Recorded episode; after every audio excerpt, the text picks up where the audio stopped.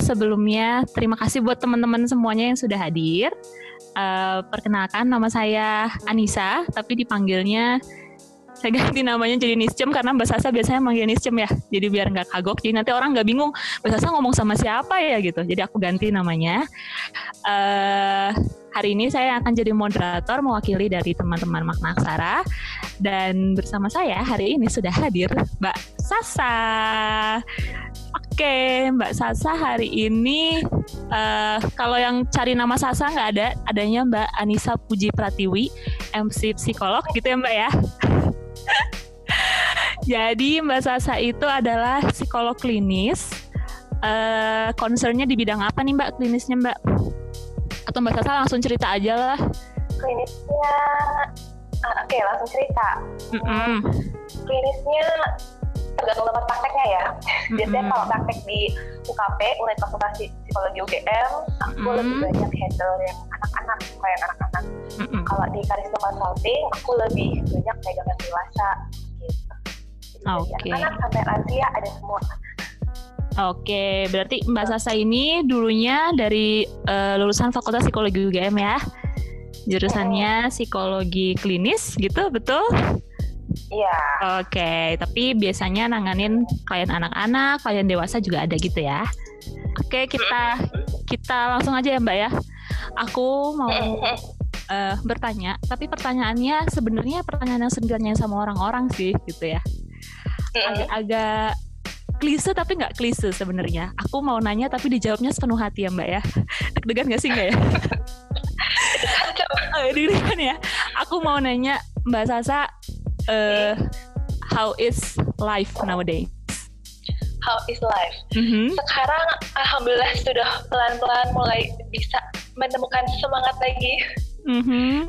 Kemarin sempat ngerasa bosen, ngerasa mager gitu ya. Baru hari Senin kemarin lagi-lagi semangat-semangatnya, lagi uh, banyak-banyak energi untuk ngelakuin banyak hal, termasuk berbagi gitu.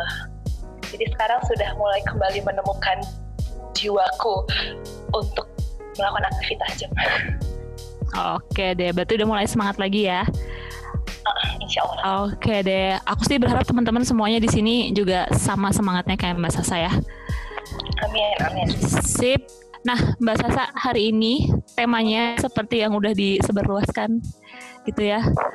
Kalau temanya adalah mensyukuri bumi gitu Mbak mensyukuri bumi. Jadi kalau misalnya kita bicara tentang uh, apa ya, mensyukuri bumi dan melakukan penghayatan terhadap bagian yang sering kita lupakan dalam hidup gitu ya. Mbak Sasa mau mulai dari mana sih memaknai judul itu? Aku serahkan sama Mbak Sasa. Uh, iya, waktu ditawarin sama Niscep ya waktu itu ya, Niscep mm -hmm. aku duluan. Betul. Uh, memaknai bumi langsung wow berat dan dalam ya topiknya ya gitu. Waktu itu bayangin sesuatu yang pasti ada kaitannya nih sama bumi, alam semesta gitu. Terus akhirnya Niscem jelasin ada mindful livingnya. Oh, Oke, okay, menarik mm -hmm. juga gitu. Dan uh, aku kan ngerasa juga masih perlu banyak belajar ya. Jadi mm -hmm. uh, karena topik ini akhirnya aku baca-baca lagi, buka-buka jurnal lagi gitu kan. Alhamdulillah. ya, jadi lebih produktif jadinya jadi uh, menemukan insight-insight baru lagi jadi dari apa yang aku uh, dapatkan ya uh, setelah mencari informasi uh, sesuai temanya mensyukuri bumi dengan mindful living atau hidup dengan kesadaran adalah ya intinya uh, mindful dan uh, mensyukur mensyukuri atau gratitude itu saling melengkapi, nggak bisa berdiri sendiri-sendiri, nggak ada yang memulai, nggak ada yang mengakhiri, semuanya um, berdampingan gitu. Mm -hmm. Jadi kalau kita ingin sampai pada fase atau tahap mampu mensyukuri uh, secara lebih luas bumi, alam semesta, bahkan kehidupan, ya dimulai dari kesadaran dulu, mindfulness-nya dulu gitu. Mm -hmm. Di dalam ya, jem ya. Tapi menarik barusan Mbak Sasa bilang ya, berarti kalau kita ngomongin bumi, alam semesta gitu ya, semuanya saling berdampingan ya, nggak ada yang yeah. berdiri sendiri-sendiri. Itu berarti Benar. semuanya itu saling berhubungan atau gimana Mbak? Hmm, ya, kalau dari pemahaman aku sejauh ini ya, bisa jadi aku salah juga gitu ya makanya kita sambil sharing mm-hmm. uh, kita kan selama ini entah secara sadar ataupun nggak sadar, sengaja atau nggak sengaja, mengkotak-kotakan, memisah-misahkan bahwa manusia itu ya manusia sendiri, alam itu alam sendiri. Padahal kita sebagai manusia adalah salah satu bagian dari alam itu.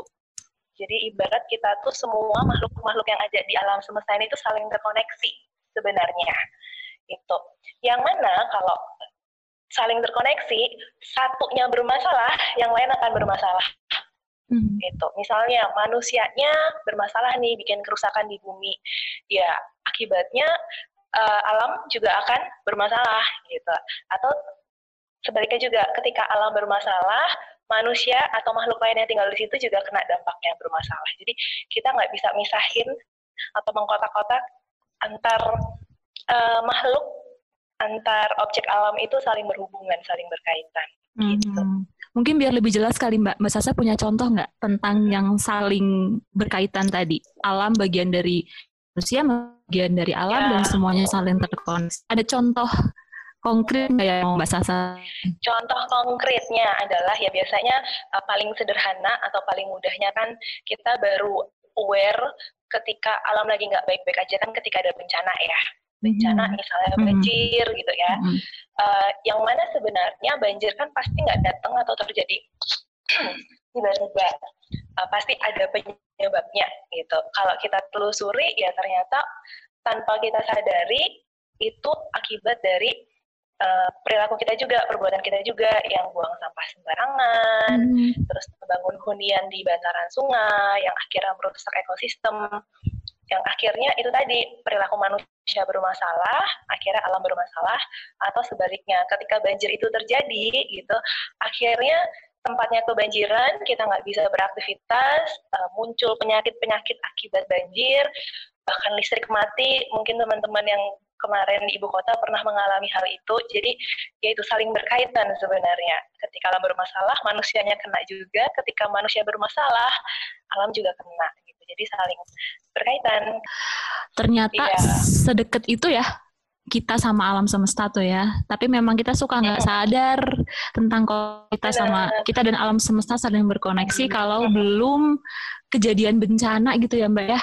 Ya, jadi um, temanya kan mensyukuri bumi ya, tapi sebelum sampai bahas jauh ke situ, ada hal yang perlu kita kenali, sadari dulu dari diri kita gitu. Jadi untuk bisa bersyukur perlu punya kesadaran dulu atau istilahnya mindfulness. Mungkin sebagian teman-teman di sini udah ada yang familiar dengan istilah mindfulness, tapi mungkin ada juga yang baru pertama pertama kali dengar. Jadi apaan tuh mindfulness? Apa itu gitu ya? Jadi mindfulness itu adalah uh, kemampuan kita untuk menyadari pengalaman yang terjadi di dalam diri kita maupun pengalaman yang terjadi di luar diri kita. Jadi ada internal dan external experience.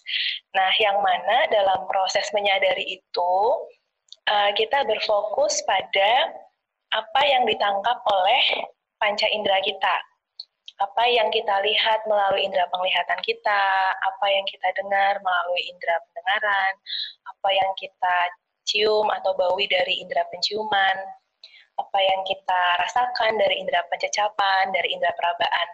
Yang mana informasi-informasi itu tuh yang ditangkap oleh panca indera kita itu akan diproses di otak kita Uh, dan itu uh, membentuk bagaimana kita melihat sesuatu atau bagaimana kita memiliki persepsi atau bagaimana kita memiliki perspektif yang akhirnya muncul menjadi pikiran-pikiran itu.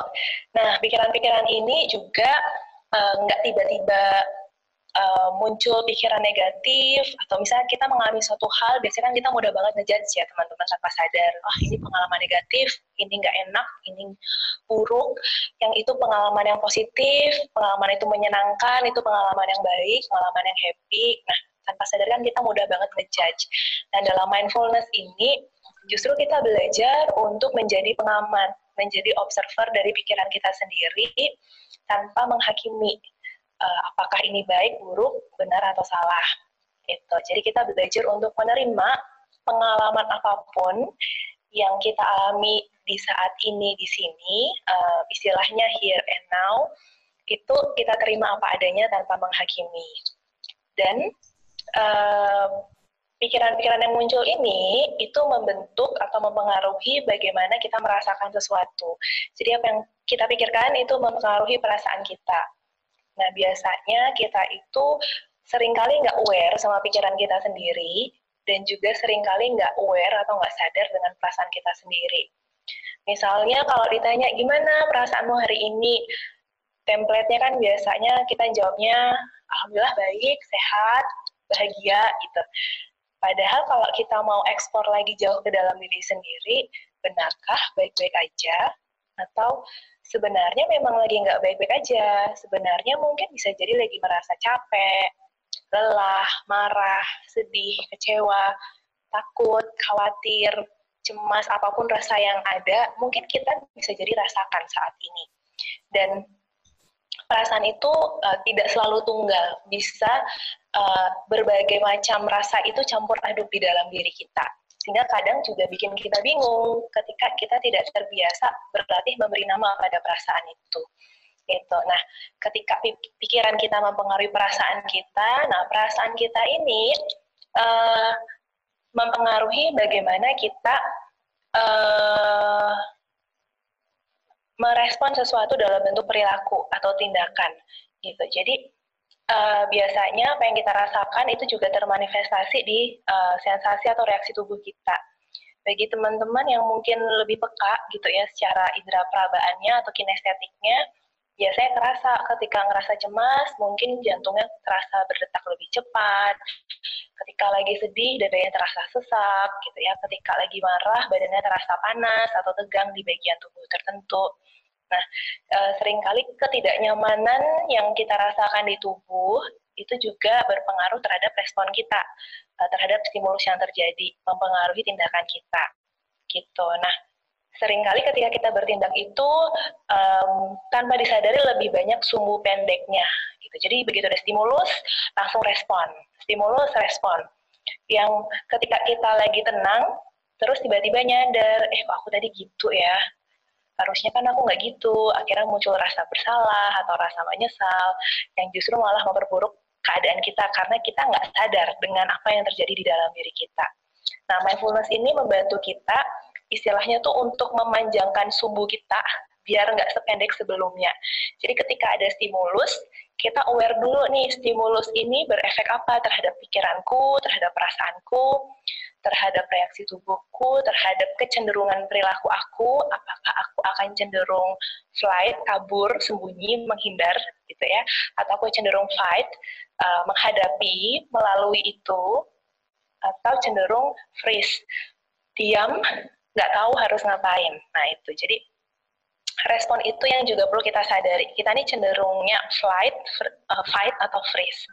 Gitu. Nah, dengan kita menyadari apa yang terjadi pada diri kita dan kita juga bisa memahami bahwa sebenarnya semua stimulus, semua pengalaman yang terjadi itu sifatnya netral, itu membantu kita sebenarnya untuk bisa nanti pada akhirnya mengambil uh, keputusan yang lebih bijak untuk mengelola pikiran kita, mengelola perasaan kita, mengelola reaksi tubuh kita sendiri juga, bahkan mengelola perilaku kita. Kita mau melakukan apa untuk merespon stimulus yang terjadi.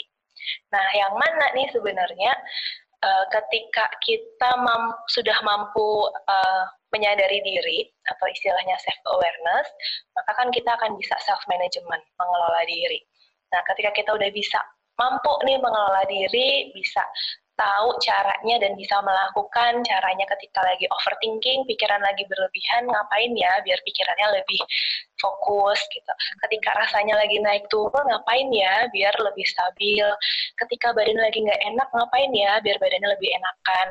Nah, ketika kita udah bisa punya kemampuan self management atau mengelola diri yang baik, itu akan membantu kita untuk lebih punya kepekaan yang baik terhadap lingkungan kita atau istilahnya social awareness gitu. Nah, ketika kita udah istilah udah beres nih sama diri sendiri, kita sadar dengan apa yang terjadi pada diri kita, kita mampu mengelolanya, itu membantu kita lebih peka untuk melihat apa yang terjadi di luar diri kita. Itu membuat kita lebih peka apa yang dirasakan oleh orang lain ya, apa yang dialami oleh orang lain ya. Uh, nggak cuma orang, bahkan binatang, bahkan tumbuhan, bahkan alam gitu. Uh, itu membuat kita lebih peka menangkap pesan-pesan atau tanda-tanda yang ditunjukkan oleh bagian-bagian uh, alam yang ada di sekitar kita. Itu istilahnya self aware, uh, sorry, social awareness, uh, kesadaran sosial. Gitu. Dan yang mana ketika kita bisa peka, bisa menangkap, di situ ada empati yang jalan. Gitu. Nah, ketika kita bisa berempati, uh, kita akan mampu nanti pada akhirnya melakukan relation uh, management atau mengelola relasi. Uh, ketika kita tahu, oh orang ini ini duduk di situ di pojokan, wajahnya murung menangis, uh, kayaknya lagi sedih deh, karena kita sudah sadar uh, dengan rasa sedih di dalam diri kita, sehingga kita tahu rasa sedih itu tuh ketika diekspresikan oleh orang lain akan seperti apa. Kita bisa ngelihat itu, karena kita uh, udah bisa ngelihat diri kita sendiri ketika kita lagi merasa nggak baik-baik aja. Nah, ketika kita sudah aware secara sosial, itu akan membantu kita untuk uh, ke tahap berikutnya, yaitu relation uh, management atau mengelola relasi, yang mana kita nanti bisa memilih uh, respon yang akan kita tunjukkan, yang akan kita munculkan untuk uh, mengelola atau menjalin relasi yang baik dengan lingkungan kita, dengan sosial kita. Gitu. Oh, dia lagi sedih. Oke, kira-kira aku bisa melakukan apa ya untuk menghibur dia? Mungkin aku ajak jalan, aku ajak ngobrol, atau apa gitu. Nah, uh, yang mana ketika kita udah bisa sampai ke uh, relation management, nah ternyata itu nggak berhenti di situ aja loh, ternyata uh, nggak hanya sampai di uh, koneksi kita dengan sosial atau lingkungan, tapi justru akan membantu kita untuk lebih terkoneksi juga secara spiritual dengan uh, Sang Pencipta kita, dengan Tuhan, dengan Allah, dengan Yesus, Sang Yang Widi atau apa pun yang teman-teman yakini, gitu. Jadi um, awalnya dimulai dari self awareness, dari kesadaran diri, dari mindful, dari sadar terhadap diri sendiri. Tapi ternyata efeknya bisa sejauh itu, sepanjang itu dan sedalam itu. Gitu. Jadi um, ketika uh, kita melihat lingkungan atau orang-orang di sekitar, mungkin kita pasti pernah punya pikiran, ih dia kok nggak peka banget ya, kok nggak empati banget ya. Hmm, kita kenali dulu, oh bisa jadi mungkin orang itu sulit untuk berempati, sulit untuk peka dengan apa yang terjadi di lingkungan di lingkungannya karena dia sendiri bisa jadi belum aware dengan apa yang terjadi pada dirinya. Ya, dan dia belum dealing dengan apa yang terjadi pada dirinya. Sehingga sulit untuk bisa empati atau aware peka dengan apa yang terjadi di lingkungan. Gitu. Nah, um, ketika kita uh, bisa sadar dengan apa yang terjadi pada diri kita saat ini dari self awareness uh, ketika kita bisa aware dengan apa yang terjadi pada diri kita nah itu akan membantu kita secara panca indera lebih peka untuk menangkap pesan-pesan tanda-tanda yang disampaikan oleh lingkungan kita oleh uh, alam oleh semesta oleh bumi gitu. Yang mana ketika kita bisa menangkap pesan-pesan yang disampaikan oleh alam bumi, nah itu sebenarnya membantu kita untuk lebih mampu mengapresiasi atau mensyukuri gitu karena kita mampu mengamati hal-hal yang detail, hal-hal yang kecil, hal-hal yang sederhana yang selama ini mungkin kita nggak aware, yang selama ini itu cuma berlalu aja, cuma lewat aja gitu. Dan uh, ketika kita mampu menangkap pesan-pesan yang kecil-kecil itu, yang detail-detail itu yang sering kali terlewat, nah itu justru membuat kita jadi lebih bisa memaknai, uh, sorry, menikmati hidup dan memaknainya. Gitu. Sesederhana nafas. Nafas tuh kan paling dekat ya sama diri kita gitu. Nggak usah jauh-jauh deh mensyukuri yang besar-besar. Yang kecil aja nafas. Apalagi di tengah pandemi seperti ini di tengah musim pancaroba seperti ini. Bayangin ketika teman-teman lagi flu nafasnya gimana? Pasti nggak enak banget.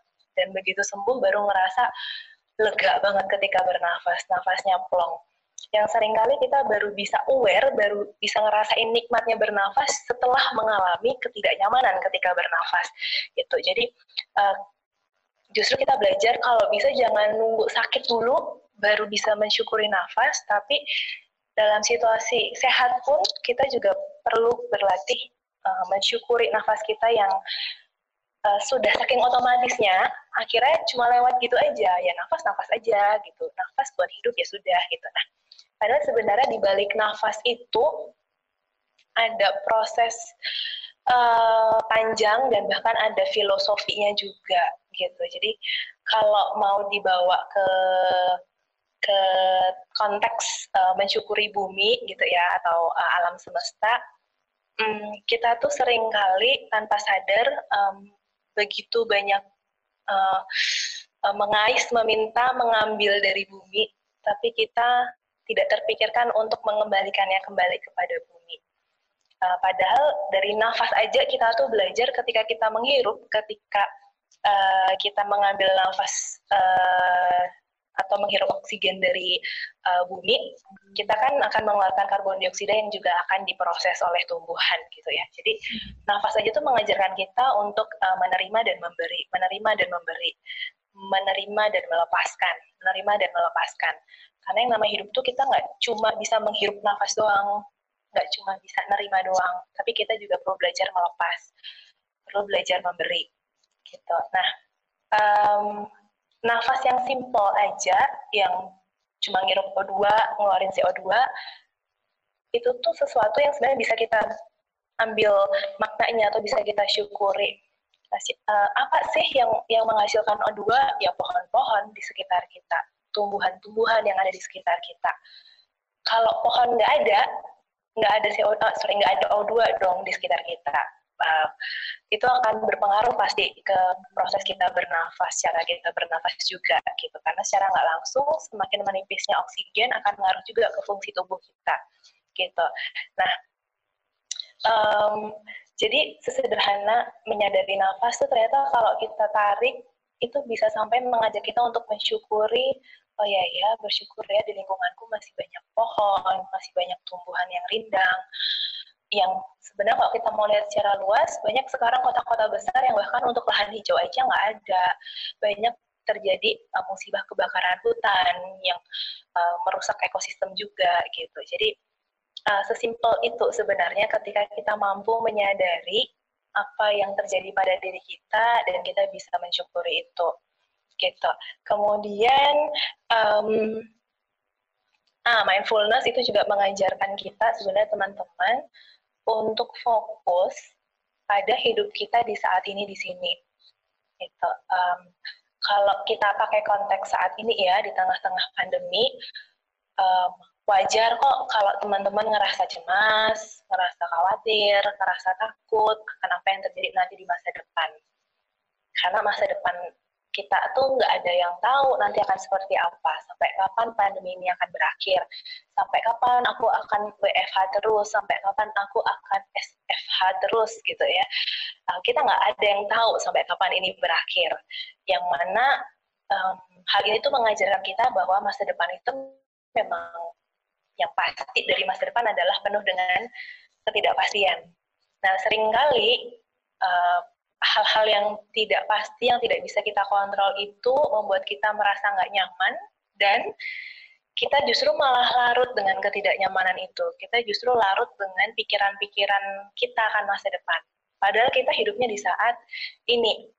Nah, sering kali ketika kita larut, ketika kita baper gitu ya dengan kondisi ketidakpastian akan masa depan itu membuat kita jadi akhirnya nggak bisa menikmati apa yang terjadi saat ini, apa yang sudah uh, Tuhan atau alam izinkan untuk kita alami saat ini, apa yang sudah kita miliki saat ini, apa yang sudah kita uh, dapatkan saat ini, gitu. Jadi itu kayak berlalu gitu aja, karena kita sibuk fokusnya ke masa depan, sehingga yang masa sekarang lewat gitu aja, padahal masa sekarang itu nanti nggak akan bisa kita ulang kembali, gitu. Kita nggak pernah akan bisa mengulang waktu, memutar mundur waktu. Jadi belajarlah untuk sepenuhnya hidup di saat ini di sini.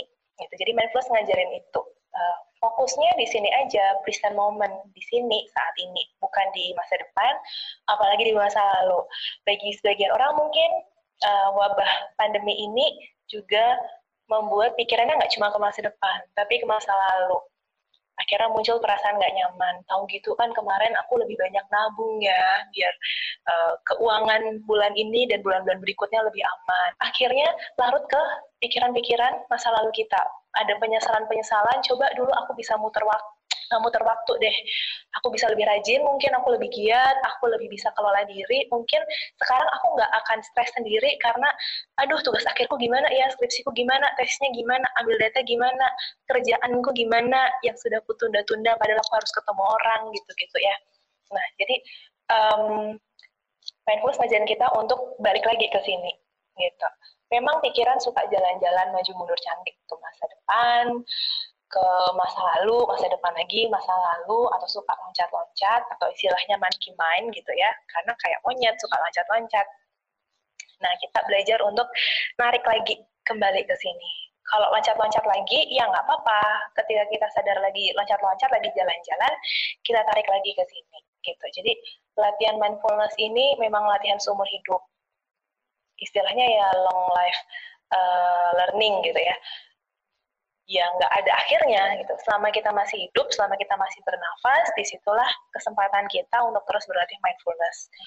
Karena nafas aja kita sering nggak sadarnya, apalagi yang lain gitu. Padahal mindfulness ngajakin kita untuk sadar, sadar, sadar, sadar. Sederhananya dari nafas gitu. Dan kemudian uh, gimana sih uh, latihan mindfulness itu uh, diterapin dalam keseharian gitu. Jadi uh, latihan mindfulness itu sendiri, latihan menyadari pengalaman di sini saat ini dengan penuh penerimaan tanpa penghakiman itu dibagi jadi dua jenis latihan gitu ya.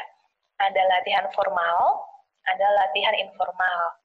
Gitu um, sebenarnya detailnya teman-teman bisa lihat highlightnya makna aksara gitu. Saya udah lihat sudah di uh, share di situ sebenarnya di Instagramnya makna aksara gitu. Jadi ada latihan formal. Latihan formal itu apa sih? Latihan formal itu adalah teman-teman menyengajakan diri meluangkan waktu untuk berlatih fullness gitu. Jadi misal oh aku mau latihan uh, menyadari nafas atau menyadari panca indera 5 menit uh, hari ini di sini gitu ya. Nah, itu adalah latihan formal. Kita menyengajakan mengambil waktu khusus untuk berlatih gitu. Yang kedua ada latihan informal. Latihan informal itu adalah kita menerapkan kesadaran ini di setiap aktivitas yang kita lakukan ketika lagi makan, kita mindful eating, kita makan dengan sadar. Biasanya kita kalau makan, apalagi sebelum wabah pandemi, kalau teman-teman masih kuliah atau lagi kerja, biasanya kan ketika jam makan, makannya ngebut-ngebut gitu ya. Eh, semenit dua menit habis gitu terus biar bisa balik lagi jadinya nggak bisa menikmati uh, momen makannya. Nah mumpung nih uh, bagi teman-teman yang kerja atau belajar dari rumah kan waktunya mungkin lebih fleksibel gitu ya lebih santai. Coba makannya lebih perlahan.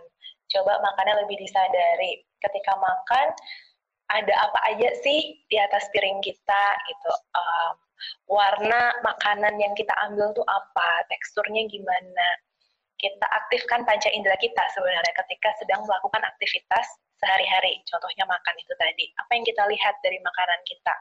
Kemudian ketika kita uh, mau makan, biasanya kan juga tercium ya aroma makanannya.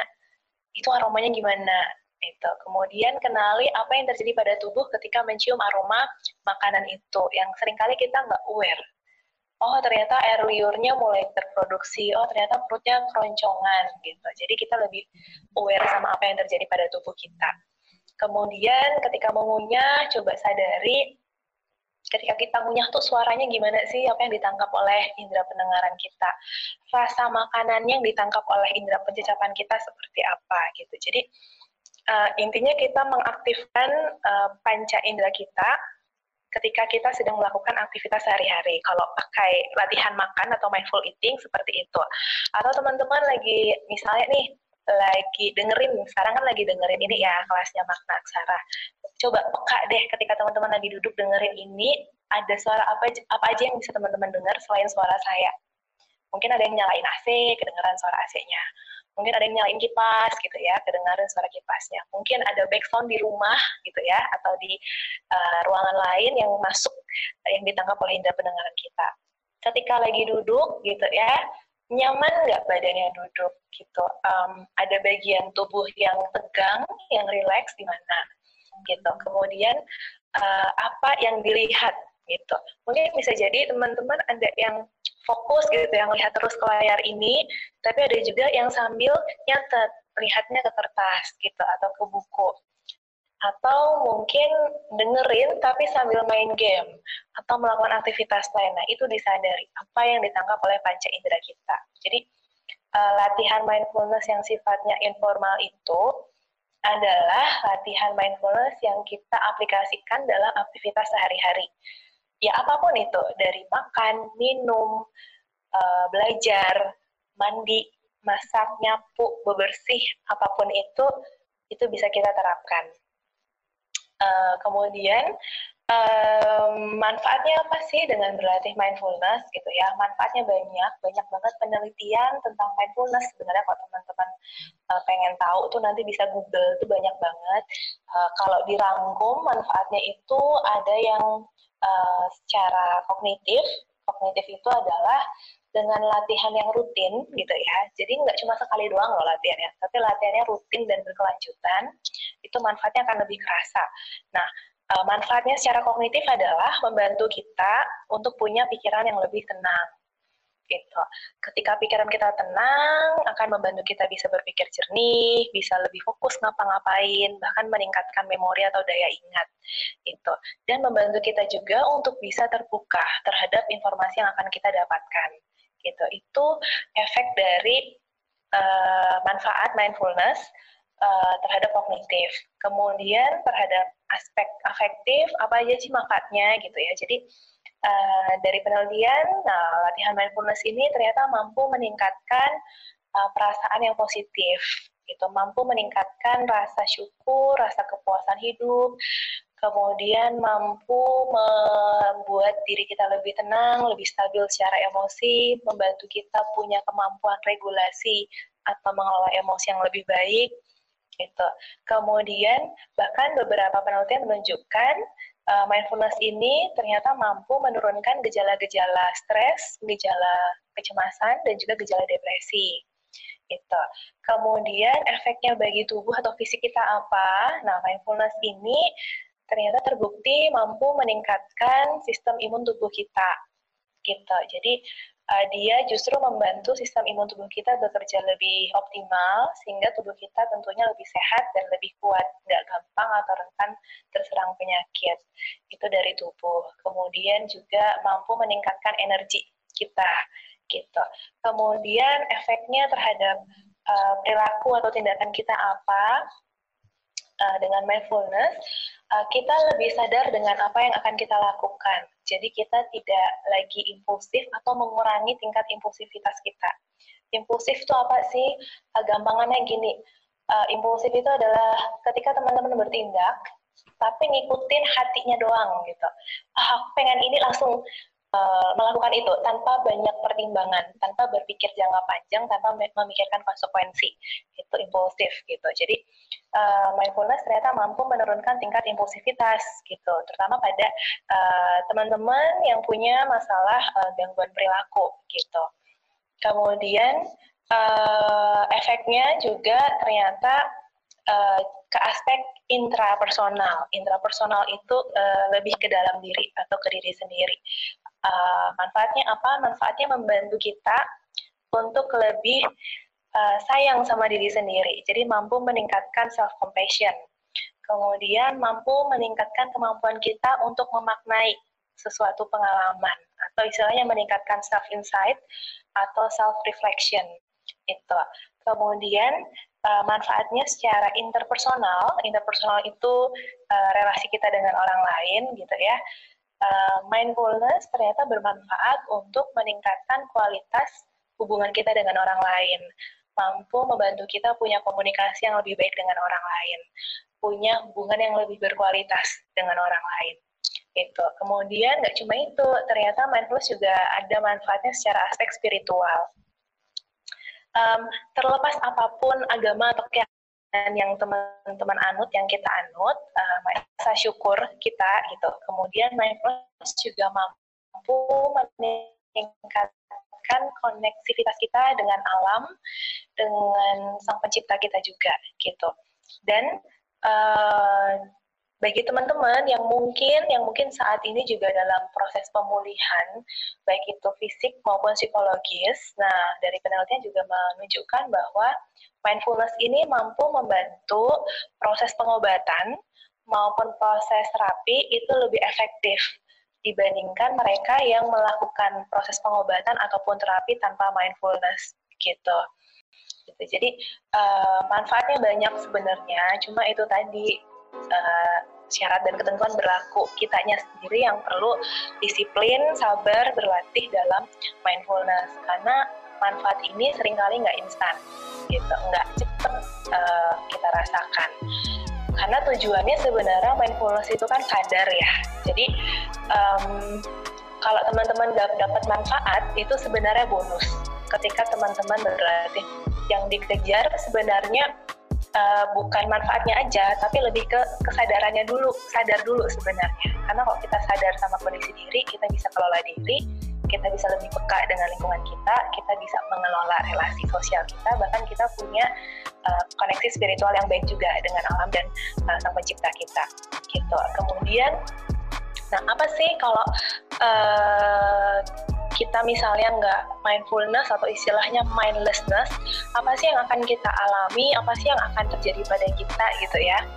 Nah, jadi uh, ketika kita lagi mindlessness gitu atau istilahnya kita lagi uh, autopilot. Jadi kita tuh punya tubuh kita, otak kita itu cerdas.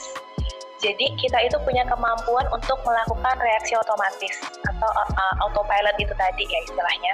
Yang mana sebenarnya uh, hal baik dari reaksi otomatis ini akan membantu kita untuk lebih cepat switch dari satu aktivitas ke aktivitas lain, dari pikiran satu ke pikiran lain, yang mana itu bisa mempermudah kita dalam menjalani kehidupan.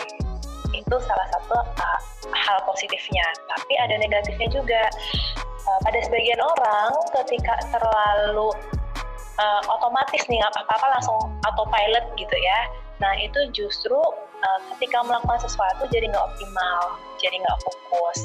Bahkan uh, tanpa sadar mungkin yang dilakukan uh, bisa jadi cenderung impulsif gitu, karena nggak ada jeda untuk uh, mempertimbangkan uh, konsekuensi dari perilaku yang dilakukan.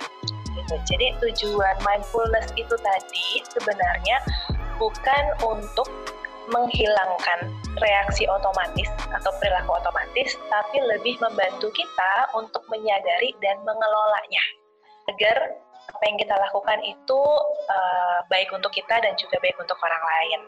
Gitu. Nah, uh, ketika kita contohnya gini, ketika kita dulu teman-teman yang pernah atau yang sering naik motor atau naik mobil, dulu pertama kali belajar naik kendaraan gimana?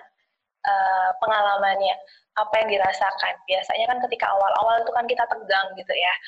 Kalau bawa motor terus yang ngajar uh, di belakang kita gitu kita bonceng. Kalau dia ngajak ngomong kita pasti ngomel-ngomel. Diem kamu berisik aku lagi fokus nih gitu. Begitu ada tanjakan kita bingung apa yang diinjek apa yang ditekan apa yang dipencet gitu kan. Tapi ketika kita terus menerus berlatih naik motor akhirnya itu udah jadi otomatis. Kita nggak perlu berpikir keras apa yang harus ditekan apa yang harus diinjak apa yang harus dipencet. Itu semua udah otomatis di luar pikiran kita. Bahkan saking otomatisnya niatnya mau ke tempat A malah nyampe nya ke tempat B gitu. Saking kita udah apal jalannya gitu ketika naik kendaraan. Nah uh, bahkan ketika naik kendaraan kita udah bisa karaokean sendirian gitu ya udah bisa telepon-teleponan bahkan matanya melihat ke sana kemari gitu. Nah satu sisi bagus uh, reaksi otomatis itu itu membantu kita jadi lebih efektif sebenarnya ketika melakukan aktivitas.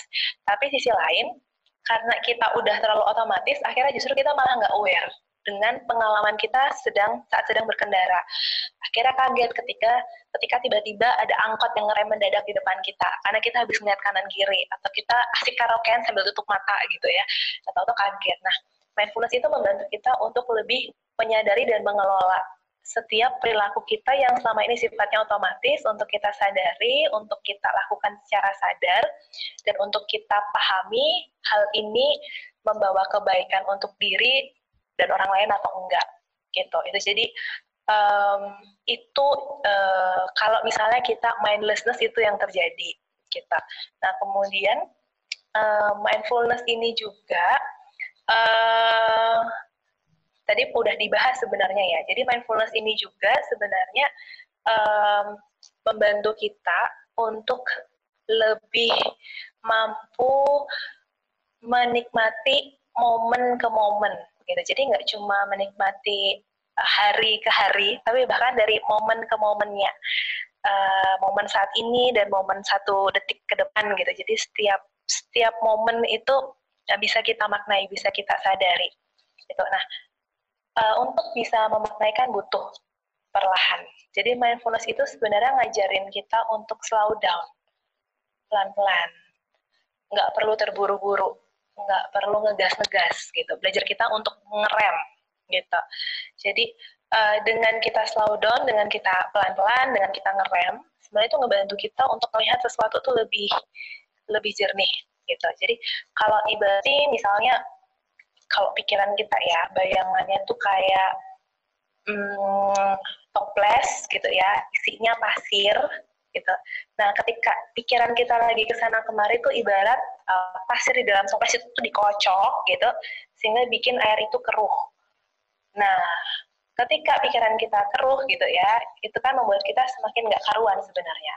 Uh, jadi nggak bisa uh, jernih ketika melihat sesuatu. Nggak uh, bisa melihat permasalahannya dengan baik. Nah, mindfulness itu ngajarin kita untuk ditaruh dulu toplesnya, diam dulu, biarkan pasirnya turun mengendap ke bawah. Karena ketika pasirnya turun mengendap ke bawah, airnya kan akan jernih lagi. Nah, ketika air ini jernih, kita akan bisa melihat ada pasir apa aja di situ. Nah, itu sama. Jadi ketika kita lagi banyak pikiran gitu ya, dan nggak tahu nih lagi mikir apa, atau nggak tahu harus melakukan apa, direm dulu. Uh, ambil jeda dulu. Paling gampang menyadari nafas sadari ketika menghirup nafas, ketika mengembuskan nafas, diatur nafasnya. Um, ada berbagai macam teknik uh, relaksasi nafas yang sebenarnya bisa kita kombinasikan dengan mindfulness. Jadi nggak cuma relaksasi nafas saja, tapi kita juga menyadari proses nafas kita. Ada yang istilahnya nafas 478. Jadi ketika kita menghirup nafas, hitung empat hitungan gitu. Kemudian ditahan tujuh hitungan kemudian dihembuskan lewat mulut 8 hitungan. Nah, ketika kita melakukan proses uh, napas 478, itu kita juga menyadari ketika saya menghirup napas, udara ini ngalirnya gimana nih masuk ke hidung saya. Kemudian ketika saya tahan, apa yang terjadi pada tubuh saya? Bagian mana yang rasanya nggak nyaman atau mungkin nyaman? Ketika saya mengembuskan lewat mulut, apa nih yang dirasakan di tubuh saya? Gimana udara itu mengalir ketika saya menghembuskan lewat mulut gitu. Jadi nggak cuma fokus ke hitungannya aja, tapi juga fokus ke pengalaman yang terjadi saat kita sedang berlatih uh, nafas itu gitu. Nah, yang mana ketika dengan nafas Eh, kita kan secara nggak langsung tuh sebenarnya kita sedang menyengajakan diri untuk menarik fokus kita yang tadi ke sana kemari mikir macam-macam kita tarik untuk fokus ke nafas dulu. Amatin udara yang masuk. Akhirnya kan pikiran kita uh, dia diem di satu tempat hanya ngamatin nafas aja. Dan ketika berlatih mindfulness uh, ingat tujuannya kan sadar bukan tenang sebenarnya. Tujuannya itu untuk sadar dulu. Nah ketika dalam latihan mungkin sering kali aku udah latihan mbak. Tapi pikiranku masih loncat-loncat masih ke sana kemari. Iya nggak apa-apa. Nggak apa-apa kalau pikirannya masih tadi udah bisa fokus ke nafas terus balik lagi ingat lagi yang di masa lalu. Atau khawatir lagi dengan masa depan. Itu nggak apa-apa itu wajar. Nah ketika sadar pikirannya mulai jalan-jalan kalau bagi teman-teman yang masih pemula berarti mindfulness pelan-pelan dengan lembut balik lagi ke nafas. Tarik lagi kesadarannya kembali ke nafas kalau teman-teman udah sering latihan, udah terlatih gitu ya, um, berlatih mindfulness atau istilahnya mindful breathing, menyadari nafas, boleh diamati. Jadi, oh aku lagi mikir ini, oke okay, aku amatin aja nih pikiran aku jalan-jalan ke mana. Oh aku lagi merasakan ini, aku amatin aja. Kalau udah terlatih bisa jadi pengamat, tapi bagi pemula biasanya masih kesulitan. Jadi ketika pikiran perasaan lagi ke mana-mana, kita tarik lagi balik ke nafas gitu jadi tidak perlu segera untuk mengubah pikiran perasaan itu, nggak perlu segera untuk take control atau mengambil kendali atas pikiran perasaan itu. Uh, kita terima aja dulu kalau ada pikiran perasaan yang muncul dan kita belajar untuk uh, mengamati sebagai pengamat, sebagai observer, dan kita belajar juga untuk uh, melihat apa adanya tanpa penghakiman apa pun. Gitu. Jadi seperti itu uh, gambarannya. Semoga okay. uh, eh, jelas ya teman-teman ya. Jelas Mbak gitu. Sasa, jelas kalau buat aku pribadi jelas banget dan ternyata apa. ini apa cuma aku aja gitu ya hmm. yang merasakan um, apa ya adem sekali penjelasannya Mbak Sasa. aku rasa teman-teman aku rasa teman-teman di sini semuanya mungkin punya pendapat masing-masing ya. Aku tunggu di chat. Uy, aku kayak di TV ya. Aku tunggu di chat di bawah ya. Aku tunggu komentarnya teman-teman. Nggak nggak nggak mesti pertanyaan apa pun. Kita menyadari ya Mbak ya. Menyadari proses yeah. tadi selama mendengarkan bahasa saya itu seperti apa. Dan kalau aku bisa sampai ke proses misalnya uh, memaknai tadi yang aku dengarkan dari Mas Haza, sejujurnya aku merasa satu terharu terharu nggak tahu terharu aja gitu ya setelah terharu setelah terharu aku merasa adem sekali jadi aku tunggu juga teman-teman gimana responnya gitu ya Oke Mbak Sasa, terima kasih banyak. Aku mau tanya dulu deh ke Mbak Sasa, udah berapa lama Mbak Iya. mendalami mindfulness? Ini pasti nggak dalam waktu yang sebentar nih bisa ngomong kayak gini. Aku pertama kali belajar tentang mindfulness itu uh, saat kuliah S2. Mm-hmm. Aku tahu itu dari buku gitu ya. Mm-hmm. Aku masuk 2012, sudah lama banget ya, 8 tahun yang lalu. Itu, itu pertama kali aku kenal istilah mindfulness tahun 2012. Mm-hmm. Gitu. Malah curhat aku nggak apa-apa ini ya. Nggak apa-apa mbak. Gitu. Jadi uh, jadi prosesku juga nggak mudah sebenarnya uh, untuk belajar mindfulness ini. 2012 aku kuliah dapat uh, materi waktu itu psikologi transpersonal oleh kalau teman-teman dari UGM mungkin psikologi UGM mungkin kenal buku ini buku gitu ya. Hmm. Waktu itu aku cuma sambil lalu aja gitu, sambil lalu sampai akhirnya kan ada prakteknya ya gitu prakteknya hmm. yang mana pendekatan itu tuh transpersonal itu dan salah satu yang mindfulness itu kan diberikan uh, di akhir jadi aku udah mengalami beberapa pendekatan atau terapi-terapi lain nah ketika aku dapat itu aku ngerasa ini yang paling efektif buat aku pribadi. Saat itu hmm. fokusnya aku adalah untuk diri aku dulu yang kalau aku di apa-apain di proses itu aku paling kena paling dapat itu kalau dikasih mindfulness yang lain itu kayaknya mental gitu. Itu nggak nggak bisa masuk ke aku. Gitu. Hmm. nah gitu. Terus um, mulai mulai serius mulai serius untuk untuk uh, mendalami itu justru di saat aku sudah kelar udah kelar tesis itu tahun 2015 awal jadi belum wisuda tapi udah udah kelar tesis udah ujian tesis cuma nunggu wisuda tuh kan cukup lama ya. Aku lulus Januari eh sorry aku ujian Januari wisudaku April berarti ya itu nah di saat itu uh, aku tuh dulu itu orangnya pencemas banget gitu. Sehingga dulu tuh aku tuh gila nih udah udah mau wisuda ya udah mau lulus ya. Berarti habis ini praktek kan jadi psikolog kan gitu. Jadi masih masih denial untuk lulus tuh kayak belum siap gitu. Belum siap menjadi psikolog belum siap untuk pegang klien saat itu gitu. Dan aku ngerasa ya kayaknya aku perlu cari bantuan ya ini untuk beresin dulu diri aku. Karena aku sadar aku juga punya banyak isu sebenarnya secara pribadi yang aku tahu kalau itu nggak aku proses itu jadi bom waktu nantinya. Dan hmm dan keeroran aku bahaya bisa bikin klien aku error gitu. Akhirnya tahun 2015 aku cari-cari tuh uh, workshop-workshop. Nah dilalah semesta mendukung. Jadi 2015 itu banyak banget workshop tentang mindfulness dan compassion. Jadi aku hmm. ikutlah satu persatu workshop itu. Uh, yang namanya workshop kan nggak cuma kita belajar ya tapi kan kita juga diproses gitu. Nah dari 2015 itu um, belajar belajar terus diproses terus akhirnya aku bisa praktek itu kan pertengahan 2015 karena keluar surat izin prakteknya 2015 gitu. Nah kalau aku dulu itu ketika ke klien, ke klien aku, aku tuh lebih banyak kasihnya CBT, Cognitive Behavior Therapy gitu, atau humanistik gitu. Itu yang sering aku kasih ke klien. Tapi semenjak aku mendalami mindfulness, aku ngerasa aku paling nyaman dengan mindfulness. Akhirnya keterusan sampai sekarang biasanya uh, mau sebenarnya mau pendekatan apa pun biasanya di awal pasti aku kasih mindfulness dulu gitu jadi sebenarnya secara nggak langsung itu kayak ngasah aku juga kayak aku latihan terus menerus gitu ya udah ke bawah aja jadi udah 8 tahun sebenarnya cem yang sebenarnya mulai aku seriusin 2015 jadi lima hmm. tahun terakhir ini baru rajin-rajinnya lebih rutin berlatih dan aku praktekin ke keseharian dan juga ke klien gitu.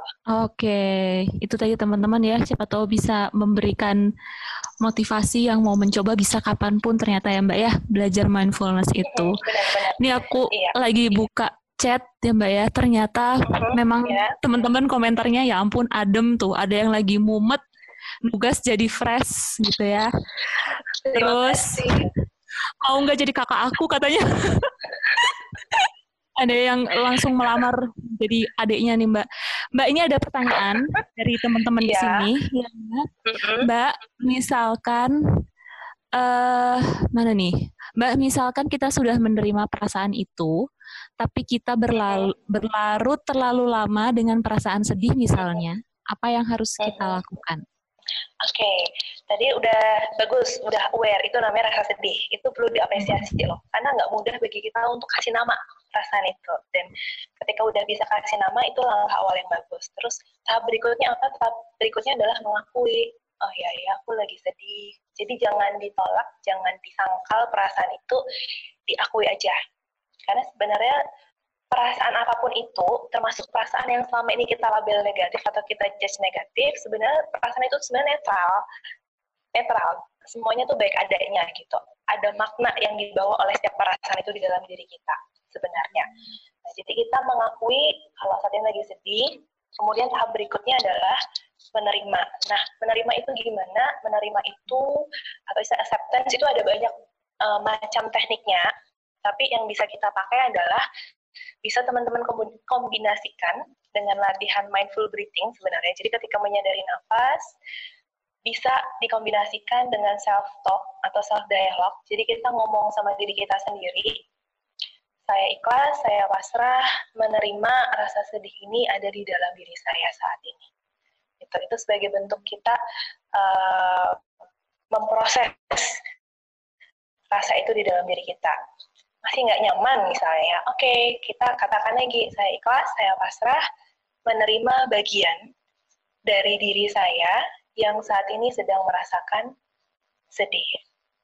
Udah dicoba mbak, tapi masih nggak nyaman. Oke, okay, berarti kita perlu belajar menerima bagian diri kita yang belum bisa sepenuhnya ikhlas dan pasrah dengan rasa itu. Jadi saya ikhlas, saya pasrah, menerima bagian dari diri saya yang saat ini belum mampu untuk sepenuhnya ikhlas dan pasrah menerima rasa ini gitu jadi uh, bisa dicoba dulu uh, pada sebagian orang teknik ini cukup membantu tapi sebagian orang ternyata teknik ini juga belum efektif nah kalau masih kesulitan belum efektif gitu ya belum mereda rasa sedihnya bisa digabung dengan istilahnya letting go. Letting go-nya kita buat sederhana aja. Jadi ketika teman-teman menghembuskan nafas, entah lewat hidung atau lewat mulut senyamannya, uh, diniatkan ketika teman-teman menghembuskan nafas, teman-teman melepaskan rasa sedih itu keluar melalui hembusan nafas dan rasakan perlahan semakin ringan, semakin lega, semakin nyaman.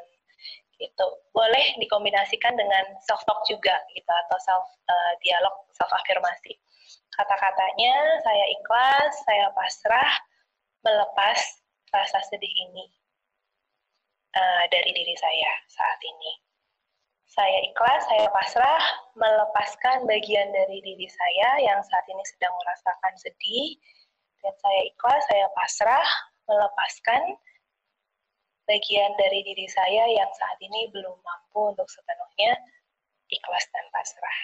udah diniatin aja terus dihembuskan nafasnya diniatkan mengeluarkan membuang gitu ya istilahnya perasaan-perasaan nggak nyamannya sampai lebih baik kalau udah dicoba membantu alhamdulillah tapi kalau belum mungkin bisa melakukan uh, aktivitas lain gitu ya yang sifatnya untuk merilis perasaan karena ada sebagian orang yang justru bisa rilisnya ketika beraktivitas, entah olahraga, entah bergerak, entah melakukan uh, sesuatu yang sifatnya bergerak, gitu. Karena sebenarnya sebenarnya tubuh kita itu cerdas. Um, biasanya nih teman-teman kalau cemas kan tanpa sadar pasti ada bagian tubuh yang nggak bisa diem ya, pasti gelisah, entah kakinya goyang-goyang, entah tangannya gerak-gerak, entah mainan pulpen, itu sebenarnya respon alami tubuh untuk melepas rasa nggak nyaman itu. Jadi kita bisa pakai itu, kita bisa pakai modal itu untuk ngebantu kita rilis. Bergeraklah, beraktivitaslah, dan diniatkan ketika teman-teman bergerak, teman-teman melepaskan rasa nggak nyaman itu keluar melalui uh, energi yang keluar lewat gerakan itu tadi. Gitu. Kalau masih kesulitan, coba cari bantuan profesional. Mungkin bisa jadi ada sesuatu hal, ada akar tertentu yang memang perlu diproses oleh uh, oleh bantuan profesional biar perasaan sedihnya itu uh, bisa terkelola. Gitu. Semoga okay. menjawab ya. Oke, okay. terima kasih banyak Mbak Sasa. Masih ada lagi ini pertanyaannya. Mbak Sasa, bagaimana membedakan empati dan simpati? Hmm, empati dan simpati. Bedanya apa? Uh, gini teman-teman, ketika kita ber, berempati, itu kita mampu meletakkan uh, diri kita persepsi kita di di orang lain. Jadi ibarat tuh kayak kita pakai sepatu orang lain bahasanya gitu. Jadi kita bisa me, merasakan apa yang orang lain rasakan, kita bisa memperkirakan pikiran orang lain yang sedang dia pikirkan. Gitu. Itu empati. Nah, yang mana uh, ketika kita melakukan empati, uh, bagi yang tidak mampu mengelola bisa baper, gitu, bisa uh, bisa ke bawah gitu ya, bisa larut gitu. Itu memang perlu latihan juga sebenarnya, latihan empati untuk bisa ngerasain apa yang orang yang rasakan. Cuma kita juga perlu punya kemampuan untuk mengelola rasa empati itu. Karena kita bisa larut. Nah, uh, yang mana empati itu sebenarnya uh, membantu kita untuk action something gitu. Jadi ada ada dorongan dari diri kita untuk melakukan sesuatu Uh, karena kan tadi kita tahu nih, oh dia sedih, dia punya pikiran ini nih kayaknya, apa yang bisa aku lakukan? Jadi sebenarnya empati itu uh, positifnya adalah membantu kita memberikan dorongan untuk berusaha something uh, ke relation management, mengelola uh, hubungan. Itu positifnya empati gitu.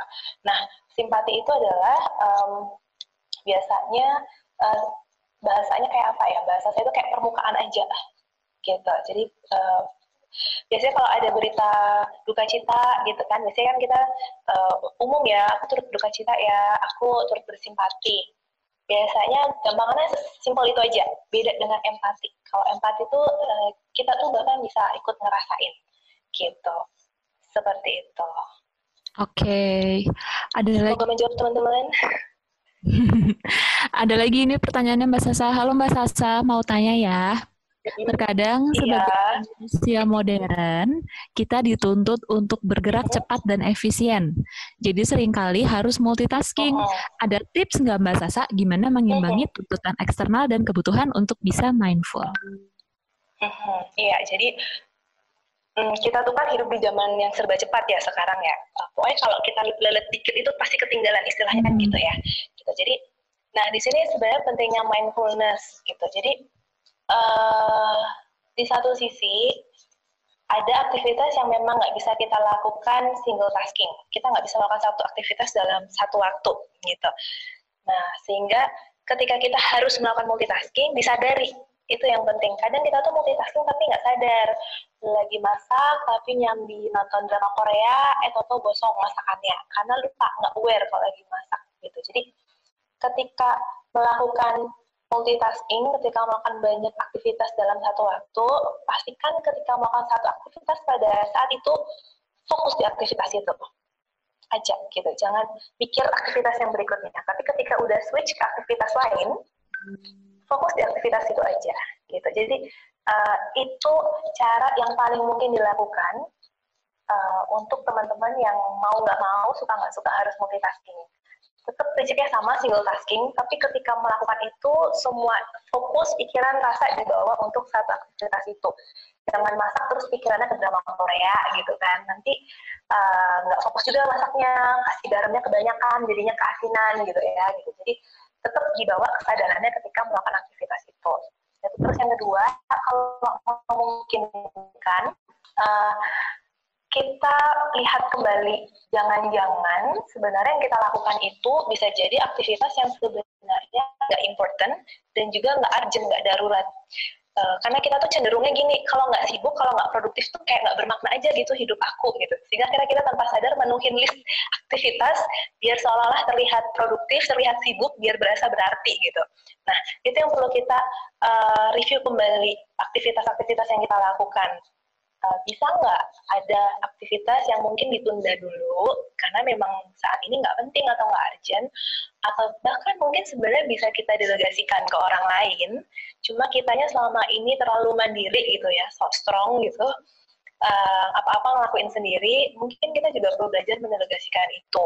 Agar uh, dalam satu hari yang aktivitas yang kita lakukan itu benar-benar uh, penting, darurat bahkan gitu ya, bisa jadi ada yang darurat dan juga membawa makna untuk kita. Gitu. Jangan jangan sampai kita beraktivitas tapi itu cuma sambil lalu aja, lewat gitu aja. Tetap apa pun yang kita lakukan dimaknai. Mindfulness itu ngajarin kita untuk menyadari dan dan tahap berikutnya adalah memaknai dari uh, pengalaman yang kita alami saat itu. Gitu. Jadi lakukan satu persatu kalau mungkin yang kedua di review, terus yang ketiga lakukan pelan-pelan gitu. Uh, kalau memang harus ngebut, lakukan dengan sadar gitu, jangan jangan ceroboh gitu. Kadang ada yang uh, ngebut asal jadi asal beres, tapi jatuhnya ceroboh, akhirnya nggak optimal, kerugian diri sendiri atau orang lain. Jadi uh, kalau bisa dibuat secara perlahan, lakukan perlahan, pelan-pelan, dinikmati setiap prosesnya.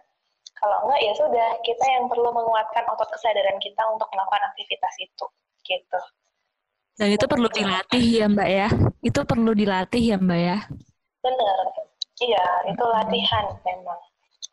Jadi harus rajin berlatih. Terus ada lagi Mbak Sasa, adem banget nih. Eh, adem banget deh, Kia, katanya gitu Mbak. Terus ada lagi, wow, Kak, okay. Bra... Mbak Sasa nanti akan di, disebarluaskan ini informasinya ke seluruh jagat raya ya Mbak. Insya Allah bermanfaat. Ada lagi yang nanya, aku dan Mbak Sasa yang suaranya di mana-mana Mbak. Ada lagi ya? Gak apa-apa ya, kan sama. Ya, nggak apa-apa lah Mbak, terlanjur. Kak, berarti salah satu cara agar resiliensi kita baik dengan cara mindfulness juga ya? Ngomongin resiliensi nih Mbak. Iya, ya resiliensi. Mungkin teman-teman ada yang masih asing ya apa itu resiliensi itu makanan apa gitu jadi bahasa awamnya resiliensi itu adalah daya lenting atau kemampuan kita untuk balik untuk bangkit kembali itu resiliensi. Hmm. Jadi memang ya ada penelitian yang uh, membuktikan bahwa ternyata latihan mindfulness itu mampu uh, meningkatkan tingkat uh, resiliensi kita atau kemampuan kita beradaptasi ketika mengalami tantangan hidup gitu. Yang mana itu tadi um, sebenarnya stimulus yang kita alami apa pun itu, pengalaman yang kita alami apa pun itu sebenarnya sifatnya netral. Nah, mindfulness itu ngajarin kita untuk melihat itu dari pengamat, uh, dari sisi observer. Uh, mungkin teman-teman yang pernah belajar observasi tahu kan uh, tugas observer itu apa? Observer adalah mengamati apa pun suatu objek tanpa tendensi apa pun. Nah, mindfulness itu ngajarin kita jadi observer diri kita sendiri maupun pengalaman hidup kita.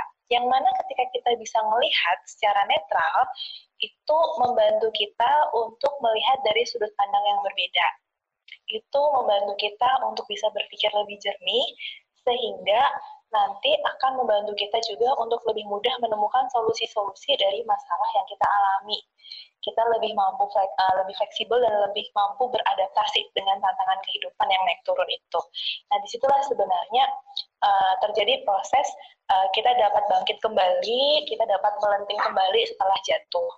Jadi ibarat kita nggak jadi telur yang kalau jatuh pecah, tapi kita jadi bola tenis kalau jatuh kita mental lagi, bahkan mungkin lebih tinggi dari posisi jatuhnya, gitu. Seperti itu. Oke, okay. uh, terkait materi resiliensi juga sebenarnya udah dibahas kemarin ya di uh, kelasnya makna aksara yang mm pertama. Pertama, ya. Masih ada lagi Mbak Sasa pertanyaannya. Iya. Hmm, oh iya Mbak, sama saya sama saya tuh bentuk pedulinya karena beradaptasi dengan lingkungan ini itu yang membutuhkan sesuatu bukan karena empati, karena hasil talent mapping saya yang rendah. Namun adaptability saya tinggi. Apakah bentuk peduli ini salah atau apakah emang membentuk rasa peduli itu bisa dari mana saja asalnya? Oh, apa nih? Empatinya rendah. Namun uh, gitu Mbak, apakah apakah membentuk rasa peduli itu bisa dari mana saja asalnya? Intinya gitu. Jadi mungkin ini sebenarnya okay. mm -mm, gimana caranya membangun empati ketika merasa bahwa itu adalah sesuatu yang sifatnya bentukan atau ya orang-orang seperti itu gitu ya. Tapi saya sendiri sebenarnya gimana sih caranya supaya saya punya empati yang tulus dari dalam seperti yang tadi Mbak Sasa ceritakan? Oke, okay. uh, eh, balik lagi ke awal. Untuk kita bisa empati ke orang, kita harus aware dulu dengan diri kita sendiri. Kita harus kenal dulu diri kita dengan lebih baik. Meskipun proses kenal lebih baik itu memang sepanjang hidup ya, tapi paling nggak kita terus perlu berlatih meningkatkan kesadaran kita sendiri uh, tentang apa yang terjadi pada diri kita, tentang apa yang terjadi pada uh, pengalaman hidup kita. Itu dulu. Karena kalau kita udah aware dengan rasa kita sendiri, itu membantu kita untuk bisa melihat rasa itu ketika muncul di orang lain. Nah, um, masalahnya adalah uh, sering kali mungkin tanpa sadar kita berada di lingkungan yang mungkin bisa jadi menuntut kita untuk terus-terusan empati atau bisa jadi kita berada di lingkungan yang membuat kita ah mending aku pasang benteng deh, mending aku nggak usah empati deh. Nah, yang perlu teman-teman pahami adalah um, terkait lingkungan ya, terkait sosial gitu, terkait hal-hal yang ada di luar diri kita, kita perlu pahami bahwa itu adalah hal-hal yang nggak bisa kita kontrol kita nggak bisa milih kita lahir di keluarga yang bagaimana dengan orang tua yang bagaimana kita nggak bisa milih uh, lingkungan sekolah kita seperti apa harus gimana lingkungan kerja kita gimana kita tuh nggak bisa milih itu bahkan kita kita nggak punya kontrol untuk uh, meminta mereka bertindak bersikap berkata-kata sesuai pengennya kita. Kita nggak bisa mengontrol itu. Tapi yang bisa kita kontrol yang bisa kita kelola adalah respon kita sendiri ketika mengalami stimulus atau pengalaman itu. Nah yang perlu teman-teman sadari adalah uh, pentingnya mindfulness sebenarnya itu membantu kita untuk bisa melihat dengan lebih jernih mana nih hal yang bisa aku kontrol dan mana nih hal yang nggak bisa aku kontrol. Mindfulness sebenarnya tujuannya itu untuk ngebantu kita lebih objektif melihat mana yang bisa kita kontrol, mana yang nggak bisa kita kontrol. Nah, ketika kita melihat, oh ini bisa aku kontrol. Nah, tugas kita di situ adalah mengupayakan yang terbaik sesuai dengan kapasitas kita, dengan kemampuan kita untuk mungkin mengubah hal itu agar lebih baik untuk kita dan orang lain. Gitu. Ketika kita ketemu, oh hal ini nggak bisa aku kontrol. Nah, tugas kita berarti adalah belajar untuk melepaskan, menaruh, atau mengurangi ekspektasi kita terhadap itu. Karena semakin kita kekeh pengen ngontrol itu, semakin besar keinginan kita mengendalikan itu, yang ada kita frustasi sendiri, kita stres sendiri. Nah, yang bikin kita frustasi sebenarnya karena itu tadi, kita tidak tepat melihat, kita ngeliatnya ke bolak-balik, yang sebenarnya ini bisa kita kontrol, kita karena lagi nggak mindful, lagi nggak sadar, nggak bisa berpikir jernih, akhirnya kita ngelihat, oh hal yang bisa, sorry, hal yang aku nggak bisa kontrol itu sebenarnya bisa aku kontrol gitu. Jadi kita ngeliat itu kebolak-balik. Yang yang sebenarnya itu nggak bisa kita kontrol, kita melihatnya itu sebagai hal yang bisa kita kontrol. Hal yang bisa kita kontrol, kita ngelihatnya itu sebagai hal yang nggak bisa kita kontrol. Benar nggak sih? Aku kok tiba-tiba ngeblank gitu. Nah itu jadi uh, kita ngeliatnya kebolak-balik karena kita nggak mindful gitu dengan dengan diri kita sendiri. Gitu. Ketika kita mindful kan kita tahu, oh ketika aku bisa mengubah ini gitu ya, karena ini hal yang bisa aku kontrol, apa yang bisa aku lakukan. Jadi fokusnya nggak nggak cuma tahu, tapi kita juga perlu action gitu, karena tahu aja nggak cukup kalau kita nggak bertindak atau bergerak. Jadi ketika bertindak bergerak lakukan juga dengan mindful gitu. Jadi um, ingat mindful itu adalah menyadari momen ke momennya ketika kita tahu sampai kita action, eksekusi bahkan sampai mengevaluasi action kita itu uh, sebisa mungkin lakukan dengan mindful gitu agar kita bisa melihat diri kita tuh lebih objektif agar kita bisa memaknai itu lebih objektif gitu itu sih sebenarnya jadi empati bisa dilatih karena empati itu keterampilan itu bukan uh, kita miliki begitu oh, aja saat ya. enggak itu bisa dilatih Betul. gimana Iya, bukan bawaan ya, berarti ya, empati ya, Mbak. Iya, ya. bukan bawaan. Iya, empati bukan bawaan dari lahir, uh, mindfulness bukan bawaan dari lahir, itu keterampilan, itu bisa kita hmm. asah. Hmm. Tinggal kitanya aja, kita mau nggak dan kita siap nggak untuk berlatih. Seringkali ketika kita uh, pengen gitu ya iya mau mau tapi ayo kita mulai sekarang enggak deh mbak nanti dulu nanti abis tahun baru itu masuk resolusi tahun depan gitu iya sama aja bohong gitu jadi uh, kenali um, kita mau nggak untuk mengupayakan itu dan kita siap kapan untuk mengupayakan itu itu penting Hmm, gitu. Berarti poinnya adalah empati sama mindfulness itu bukan bawaan ya. Berarti semua iya. orang mempunyai kesempatan yang sama buat belajar Betul. empati dan berlatih mindfulness. Mbak Sasa pertanyaannya luar biasa antusiasnya ya teman-teman. Halo Mbak Niscem dan halo Mbak Sasa. halo. Iya, halo. Merasa related banget nih materinya dengan kondisi saya saat ini. Gimana sih Mbak agar kita tetap nyaman dan bisa menikmati momen saat ini? Terima kasih banyak Makna Sara. Angga Mbak Sasa. ah, gimana caranya untuk bisa menikmati momen saat ini? Ya. Iya, balik lagi ya sadar ya. Gitu. Jadi ketika lagi ya kayak lagi belajar gini aja deh, kita lagi nonton ngadep layar HP kita masing-masing ya kita nikmati momen ini dengan sadar. Kayak saat aku lagi duduk, nafasku gimana ya? Aku dengar apa aja nih? Aku nyatet apa aja nih? Aku melihat wajah siapa aja? Itu kita lakukan dengan sadar gitu. Uh, karena dengan sadar itu membantu kita untuk lebih mampu menikmati hidup dan bahkan memaknai momen ini juga gitu. Kita bisa mendapatkan insight ketika kita melakukan sesuatu itu dengan sadar.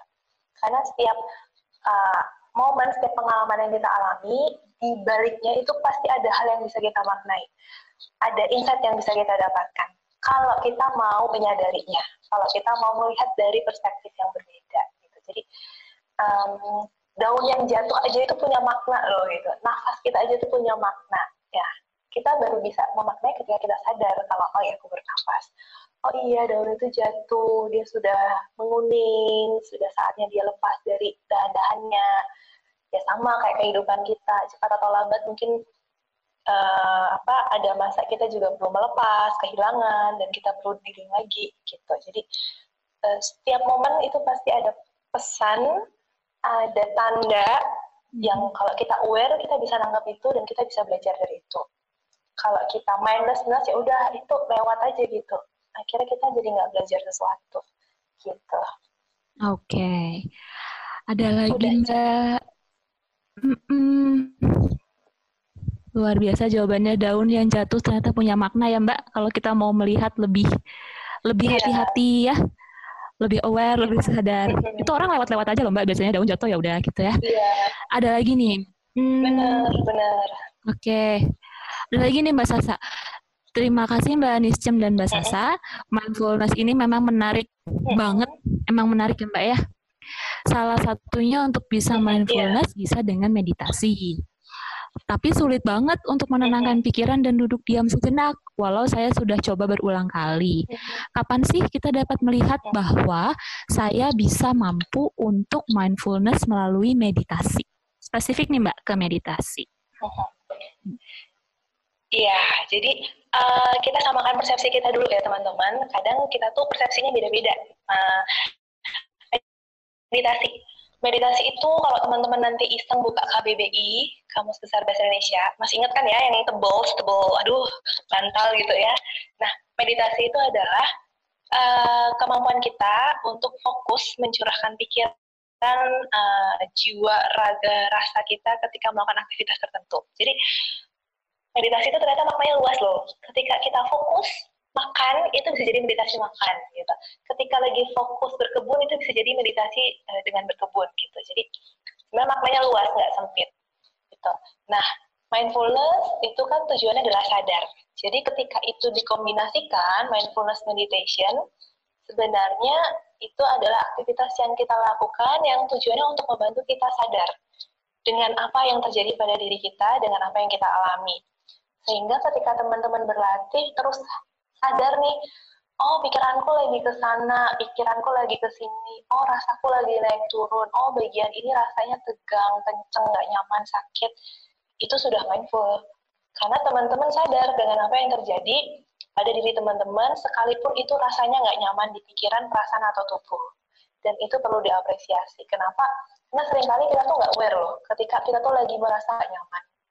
Gitu. Tahu-tahu tubuhnya udah ngedrop aja sakit gitu Padahal sebenarnya mungkin tubuh tuh udah kasih sinyal gitu. Nah, jadi untuk latihan meditasi mindfulness, uh, ingat tujuannya itu sadar, bukan relax, bukan tenang. Uh, jadi kalau teman-teman dapat relax dan tenang itu bonus gitu. Nah, yang sering kali sebagian orang bersyukur, bisa bersyukur karena dapat bonus, tapi ada juga sebagian orang yang nggak dapat bonusnya, tapi nggak apa-apa, yang penting sadarnya dapat dulu. Uh, ketika lagi nggak di sini, rasanya lagi nggak nyaman dan sadar itu udah bagus. Terus kedua, nah tiap orang itu beda-beda. Um, kalau saya bilang apa ya, kepekaannya. Jadi kalau dengan bernafas kok dengan uh, duduk aja, terus amati pemandangan di luar. Kalau teman-teman um, peka dengan indera penglihatan, boleh lihatin awan yang berarak di langit, boleh lihatin uh, daun yang bergoyang ditiup angin. Itu sebenarnya latihan mindfulness juga. Uh, kita menyadari dengan apa yang ditangkap oleh panca indera kita. Kalau teman-teman lebih peka dengan indera pendengaran bisa dibantu dengan uh, suara-suara uh, atau musik tertentu. Yang kalau niatnya pengen tenang carilah musik atau suara yang menenangkan. Entah suara alam atau suara musik yang lembut gitu. Jadi itu bisa dipakai teman-teman untuk melatih kesadaran teman-teman lewat indera pendengaran. Atau teman-teman yang ngerasa bisa lebih tenang kalau menghirup aroma yang menenangkan atau yang punya aroma terapi bisa disemprot untuk membantu teman-teman lebih nyaman ketika bernafas karena udara yang dihirup membawa aroma yang nyaman menenangkan buat kita gitu. Uh, atau kalau nggak nyaman duduk, rasanya gelisah, boleh juga kok mindfulness sambil berbaring, sambil tidur, nggak apa-apa gitu. Uh, dan kalau rasanya justru bagi teman-teman yang memang kesulitan tidur, bisa dipakai juga di malam hari sebelum tidur. Jadi berbaring, tutup matanya, sadari nafasnya gitu. Jadi um, inilah enaknya mindfulness, karena dia bisa dilakukan uh, kapan aja, di mana aja, dalam aktivitas apa aja. Bahkan objek kesadarannya pun juga bisa macam-macam, nggak harus nafas. Bisa ngamatin uh, benda-benda yang ada di kamar, bisa ngamatin uh, suara-suara yang ditangkap oleh telinga kita, gitu. Jadi dicoba aja dulu, uh, cari mana yang efektif. Kalau udah ketemu, itu yang dipakai aja, nggak apa-apa, gitu. Karena tiap orang beda-beda. Gitu. Jadi kenali teman-teman di mana efektifnya dan dilakukan. Berarti memang meditasi bukan satu-satunya cara ya Mbak ya? Hmm, benar. Hmm. Nanti bisa dicek juga di Instagramnya Makna Aksara. Aku promosi terus ya. Bisa dicek juga di Instagramnya Makna Aksara. Udah ya, ada uh, penjelasan ya, ya. penjelasannya tentang mindfulness ini. Mbak Sasa, pertanyaannya ya, ada lagi. Uh, mana nih?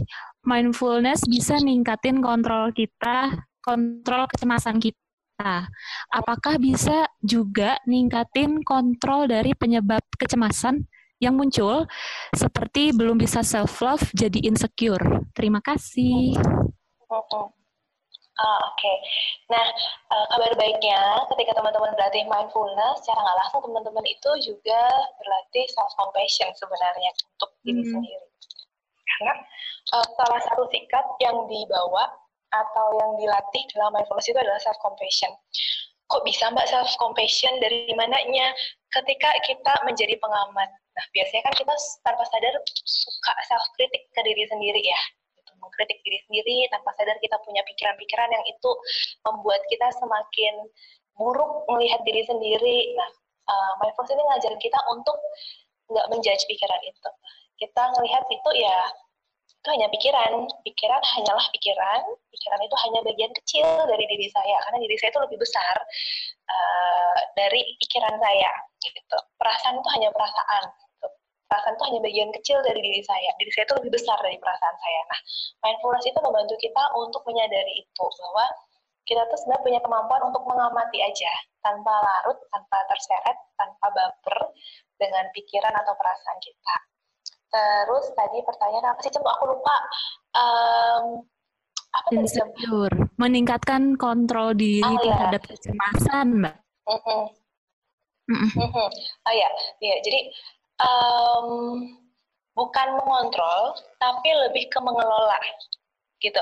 Karena kalau kontrol itu kan kesannya kayak kita ngerem ya, gitu. Hmm. Sedangkan mindfulness itu sebenarnya lebih ke mengelola. Jadi cemas tuh juga nggak apa-apa. Cemas tuh nggak apa-apa selama kita nggak larut dengan rasa cemas itu, gitu. Sedih tuh nggak apa-apa selama kita nggak larut dengan sedih dan kita bisa produktif, kita bisa beraktivitas normal, ya itu bagus gitu. Jadi mindfulness itu sebenarnya bukan menghilangkan rasa tertentu, bukan mengontrol rasa tertentu atau bahkan mengosongkan pikiran bukan gitu. Tapi itu membantu kita kayak berpisah dulu loh. Kita kayak ngelepas diri kita dengan pikiran perasaan yang selama ini uh, menguasai kita. Itu tuh kita kayak ngambil jarak dulu bahwa oh ini cuma pikiran ini cuma perasaan dan ini diri aku. Dan nggak apa-apa dengan rasa sedih ini ada uh, dan aku nggak larut aku tidak dikuasai olehnya aku tetap masih bisa produktif. Aku tetap masih bisa beraktivitas. Aktivitas, aku tetap masih bisa berinteraksi dengan orang lain. Gitu. Jadi mindful itu lebih kepada kita ngelepas ini nih, biar nggak larut dengan pikiran perasaan kita. Hmm, Oke, okay. cukup jelas ya. Sebenarnya waktu kita kan sampai jam setengah sembilan ya Mbak ya. Nah, tapi kita masih ada pertanyaan beberapa ya. pertanyaan, jadi nggak kerasa ya ternyata tadinya ya. udah bayangin bakalan bingung mau ngapain. Jadi ternyata pertanyaannya banyak banget. Nah ini sekalian pertanyaan yang sudah ada sebagai uh, di penghujung sesi kita. Kita lanjutin dulu ya Mbak sama pertanyaan yang tersisa. Jadi Mbak Sasa, gini Mbak, okay. saya kan kurang lebih sebulan ini menikmati ritme kenyamanan dan ketenangan berkumpul bersama keluarga. Kemudian tiga hari ini aktivitas kerjaan kembali dan harus dilakukan. Tapi saya malah jadi kepikiran dan nggak bisa tenang, seperti belum bisa beradaptasi dengan ritme baru. Sampai saya berpikir tidak mau mengikuti aktivitas karena merasa tidak bisa all out. Nah, gimana ya Mbak menjaga kita agar tetap tenang dengan penuh sadar dan menerima apa pun aktivitas kita? Caranya berlatih, itu tadi berlatih mindfulness uh, dikenali rasanya apa dan diproses rasa itu. Jadi rasa itu jangan diabaikan, jangan dibiarkan, karena kalau kita cuekin, dia lama-lama nanti makin gede dan jadi bom waktu. Jadi ketika udah rasa-rasa nggak nyaman, segera temuin tuh rasa itu, uh, diajak ngobrol dirinya dengan tadi yang uh, sudah saya kasih contoh, diakui rasanya, diterima rasanya, dilepaskan rasanya. Jadi ya, latih memang, berlatih, berlatih, berlatih, sampai lebih nyaman gitu. Um, wajar kok kalau kita sudah nyaman di suatu momen, terus ada perubahan, adaptasi dan butuh waktu itu wajar banget sebenarnya gitu. Jadi nggak uh, apa-apa, nikmati aja proses adaptasinya. Toh uh, awalnya dulu uh, kita bisa kita bisa loh dealing dengan uh, pekerjaan gitu. Bahkan mungkin ketika harus work from home mungkin kita juga awalnya pasti beradaptasi juga. Pasti nggak mudah nih kerja dari rumah atau menghabiskan waktu lebih banyak di rumah sama keluarga. Awalnya pasti kesulitan tapi ketika udah bisa menjalani itu akhirnya nyaman. Nah sekarang datang lagi nih pola yang berulang kerjaan datang lagi. Nah mindfulness itu sebenarnya ngajarin kita untuk uh, bahasanya itu melihat segala sesuatu itu sementara Jadi sebenarnya apa yang kita alami itu sebenarnya sementara teman-teman. Pikiran kita itu sifatnya sementara, perasaan kita alami itu sifatnya sementara, pengalaman hidup yang kita alami hari ini pun sifatnya sementara. Gitu. Uh, bisa jadi uh, nanti ketika teman-teman uh, terutama lagi beradaptasi ya udah asik nyantai sama keluarga eh dapat kerjaan dan sekarang nggak nyaman bisa jadi kalau nanti sambil berlatih mindfulness seiring berjalannya waktu juga ya teman-teman nanti ngerasa nyaman. Nah begitu nggak ada kerjaan chaos lagi rasanya. Bingung ngapain ya? Bosan nih nggak ada kerjaan ya. Sebenarnya itu ikut kehidupan itu naik turun. Jadi uh, ya apa pun itu dijalani aja semampu kita dengan baik dan disadari. Dan dilihat ada makna apa yang bisa kita ambil. Gitu. Oke deh, Mbak Sasa luar biasa sekali Uh, mungkin sebelum penutupan ada uh, kesimpulan atau kata-kata kata-kata penutup dari Mbak Sasa. Kata-kata penutup. Ya, selamat berlatih menyadari diri sendiri karena itu tuh pintu gerbangnya kita untuk kita bisa mengelola diri, untuk kita bisa lebih peka dengan lingkungan, untuk kita bisa berinteraksi baik dengan lingkungan, bahkan untuk kita bisa kembali terkoneksi dengan alam semesta bahkan sang pencipta kita. Jadi selamat eksplor diri sendiri, selamat berproses dengan diri sendiri dan selamat berdamai dengan diri sendiri. Baik, terima kasih banyak Mbak Sasa. Aku juga mau mengutip kata-kata yeah. Mbak Sasa terkait judul hari ini mensyukuri bumi sebuah penghayatan terhadap sisi hidup yang terlupakan. Quotation dari Mbak Sasa yang mengena banget di aku adalah kita itu mengais dan meminta dari bumi ya dan jangan lupa mengembalikan semuanya lagi ke bumi. Terima kasih buat teman-teman semuanya yang sudah hadir. Terima kasih untuk antusiasmenya yang luar biasa. Uh, saya Anissa dari perwakilan Makna Aksara mengucapkan uh, terima kasih banyak dan sampai ketemu lagi untuk uh, series dari kelas ini selanjutnya. Oke, terima kasih banyak. Mbak Sasa, makasih banyak ya. Makasih banyak teman-teman semuanya. Iya, sama-sama Rizja. Makasih ya, teman-teman. makasih banyak. Makasih semuanya.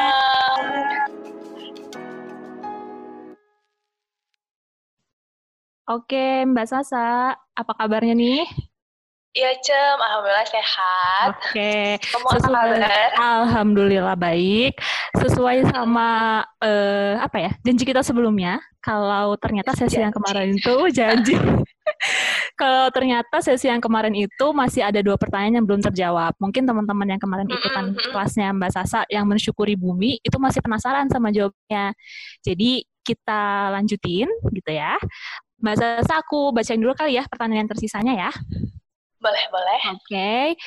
Pertanyaannya, hmm, masih ada dua pertanyaan lagi. Ini pertanyaannya adalah, Mbak, terkait mindfulness untuk pengambilan keputusan secara lebih jernih, bagaimana mengatasi perasaan khawatir ketika akan mengambil sebuah keputusan, di mana orang-orang di sekitar kita berpendapat dan memprediksi bahwa keputusan itu akan berdampak buruk, sementara saya sendiri yakin bahwa itu adalah keputusan yang baik. Terima kasih. Tanya. Oke, okay, yang pertama dilakukan adalah berjarak dulu dengan perasaan khawatirnya.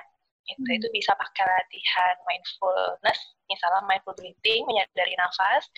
Tujuannya lebih kepada mengambil jarak dulu dengan perasaannya, biar nanti ketika mengambil keputusan tidak uh, di uh, pengaruhi oleh emosionalnya. Jadi bukan ngilangin khawatirnya, tapi ngambil jarak gitu. Jadi meskipun ada rasa khawatir, tetap mampu berpikir dengan lebih objektif dan um, jernih gitu. Kemudian setelah bisa mengambil jarak dengan rasa khawatirnya, nah tadi kan bingung ya, um, udah yakin tapi orang lain ternyata punya pendapat yang berbeda. Nah, di sini pentingnya kita untuk lebih objektif lagi melihat konsekuensi positif maupun negatif dari setiap alternatif pilihan yang ada gitu. Jadi bisa jadi uh, sudut pandang orang lain itu memperkaya sebenarnya uh, konsekuensi-konsekuensi positif maupun ataupun negatif yang ada dari setiap alternatif pilihan yang mungkin diambil nanti ke depannya. Nah, setelah ketemu nih, oh ada konsekuensi positif ini, ada konsekuensi negatif itu. Nah, kemudian fokus kita nggak hanya di konsekuensi, tapi kita fokusnya justru ke solusi. Jadi, setiap pilihan, apa pun itu yang dipilih, pasti akan ada konsekuensinya, positif atau negatif. Nah, yang fokus kita lakukan adalah lebih ke solusinya. Jadi, oke, okay, masih ada konsekuensi yang negatif nih. Jadi solusinya apa yang bisa aku lakukan untuk mengantisipasi, meminimalisir atau mencegah uh, munculnya atau terjadinya konsekuensi negatif ini. Nah, setelah ketemu solusinya, intinya adalah action. Jadi punya pemahaman akan solusi aja nggak cukup. Jadi ketika ambil keputusan, ya sudah lakukan dan fokus ke solusinya.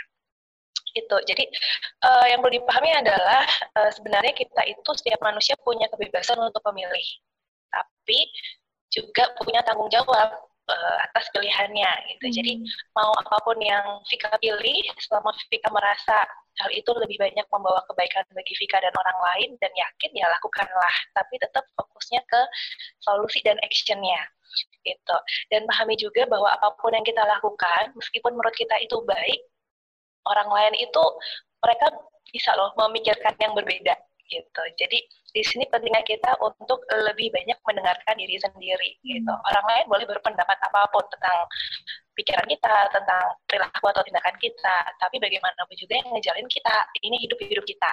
Nah, jadi uh, langkah berikutnya adalah belajar juga untuk dealing dengan orang-orang yang ternyata nggak support atau nggak mendukung apa yang kita lakukan.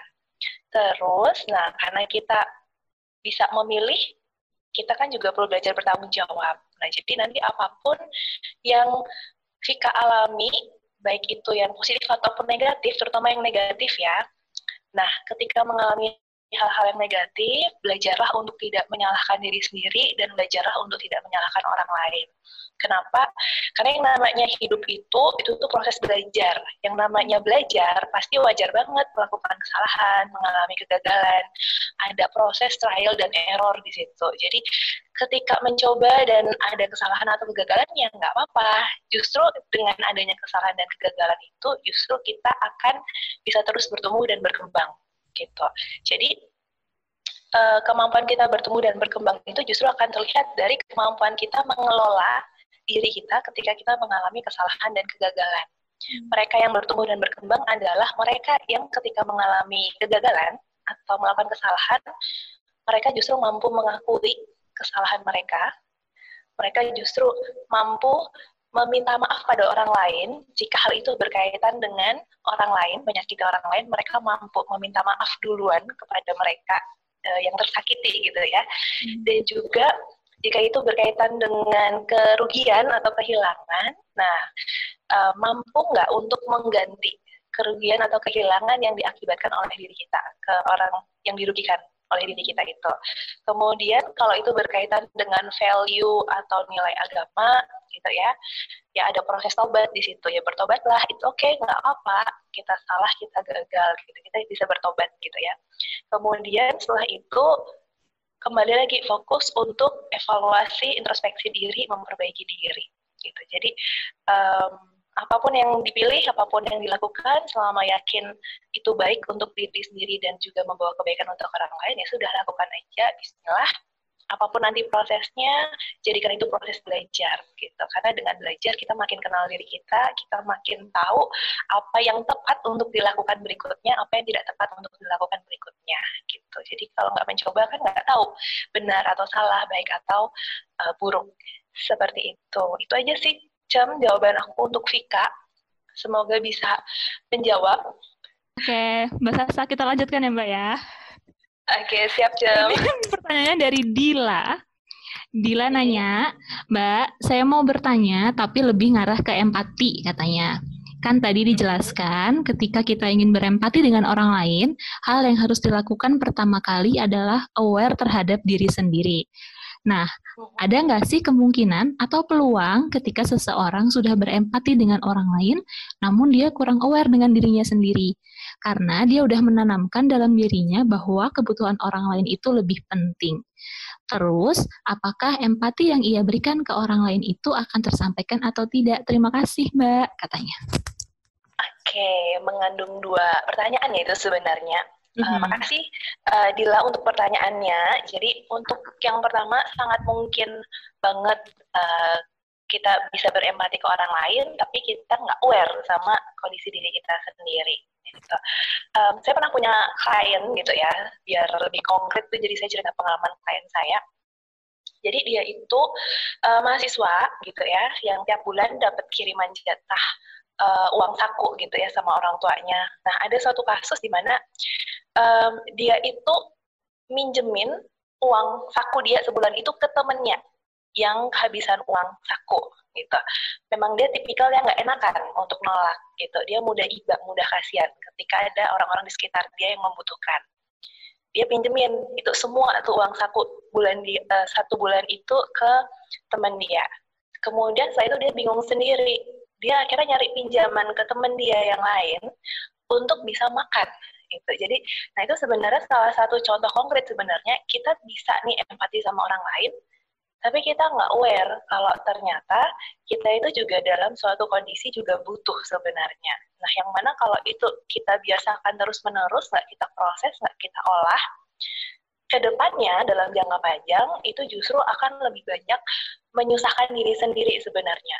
Iya ngebantuin orang, tapi akhirnya bisa nyusahin diri sendiri atau bahkan mungkin keluarga sendiri juga gitu. Karena kita lebih peduli sama terlalu peduli sama orang lain. Karena sebenarnya yang terlalu terlalu itu juga nggak baik gitu ya semua yang serba pens apa uh, ekstrim ekstrim itu itu sehingga penting banget untuk sebelum ngebantu orang lain kita aware dulu sadar dulu uh, kita punya kapasitas jauh mana nih untuk ngebantu.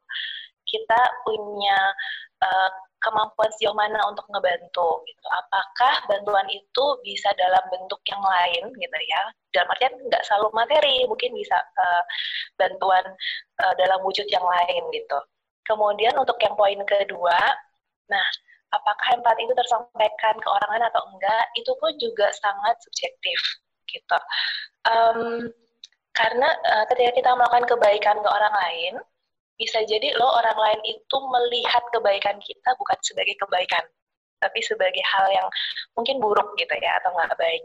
Atau sebaliknya juga gitu um, apa istilahnya uh, hal yang kita lihat nggak baik gitu ternyata itu baik ketika dilihat oleh orang lain gitu. Jadi uh, apakah uh, empati atau hal-hal yang sifatnya kita uh, menunjukkan kepedulian ke orang lain gitu ya uh, ikut merasakan apa yang mereka rasakan itu tersampaikan atau enggak itu sangat subjektif. Nah, di sinilah sebenarnya pentingnya komunikasi gitu. Jadi ketika kita mau empati bahkan sampai ke action ngebantu gitu, penting untuk komunikasi, menanyakan ke yang bersangkutan, kamu butuh apa? Aku bisa bantu kamu apa? Itu pentingnya di situ. Agar ketika kita uh, berempati dan beraksi untuk membantu atau meringankan beban orang-orang di sekitar kita itu juga tepat, nggak salah sasaran gitu. Karena saya tuh pernah punya pengalaman dulu zaman kuliah S1 awal-awal, uh, saya dan beberapa teman lagi ngerjain tugas di perpustakaan gitu. Yang mana kan laptop, charger itu kan semebar ya uh, di mana-mana gitu. Kemudian waktu masuk kuliah berikutnya udah mepet nih gitu. Kami buru-buru Nah, niat baik saya, bantuin teman saya nyabutin charger laptop dia dari stop kontak. Tapi ternyata kebaikan saya tidak berujung baik. Kenapa? Karena laptopnya dia tuh tanpa baterai. Begitu saya cabut, itu belum dimatiin. Akhirnya kan belum ke ya. Nah itu jadi, oh ternyata niatnya baik, tapi karena nggak ada komunikasi, jadinya kebaikan itu nggak diterima dengan baik juga ke orang yang bersangkutan. Nah, jadi memang penting untuk komunikasi, memastikan bahwa yang bersangkutan memang butuh bantuan, dan memastikan juga bahwa kita memiliki kapasitas untuk membantu mereka. Pun kalau nggak bisa membantu juga nggak apa-apa, kita bisa merefer atau merekomendasikan, memberi link gitu ya ke orang lain yang mungkin bisa membantu orang yang kita lihat memang merasa butuh. Gitu. Jadi nggak harus selalu kita gitu, yang action uh, untuk seseorang. Itu uh, jawaban untuk uh, dua poin pertanyaan Dila. Semoga menjawab, semoga membantu. Oke deh. Aku juga pernah tuh Mbak, dulu kayak Mbak Sasa. Jadi aku bermaksud baik, mau apa ya, mau uh, ngasih kabel roll yang lebih panjang supaya bisa buat bareng-bareng. Otomatis kan satu orang dicabut dulu tuh ya Mbak ya, si ininya si laptopnya gitu. Tapi karena punya temen, jadi aku mungkin kayak yang nggak mindful juga ya, kayak ada ah, temen gue ya cabut aja lah gitu juga lagi asik ngetik, nggak nanya dulu gitu. Ternyata dia, terus dia bilang ya mati cam gitu loh, kenapa dicabut? Padahal maksudku baik gitu untuk supaya yeah. semua tuh bisa nyolok gitu ya. Berarti emang penting ya mbak ya untuk mindful dalam komunikasi even itu orang yang sudah kita kenal justru bahkan orang yang yeah. kita biasanya udah kenal udah biasa malah akhirnya jadinya kita mungkin jadi nggak mindful karena udahlah karena tahu mungkin atau gimana gitu ya Yes, betul banget. Itu penting penting banget sih. Jadi mungkin dari dua dua pertanyaan terakhir ini uh, lebih kepada aplikasi kali ya Mbak ya. Aplikasi mindfulness dalam uh, action baik berupa pengambilan keputusan maupun akhirnya berhubungan dengan orang lain yaitu empati gitu. Mungkin kalau dari Mbak Sasa sendiri ada nggak sih kesimpulan atau closing tentang uh, menanamkan mindfulness dalam komunikasi dengan orang lain atau mungkin dalam kaitannya yang berhubungan sama action atau aktivitas sehari-hari aplikasinya?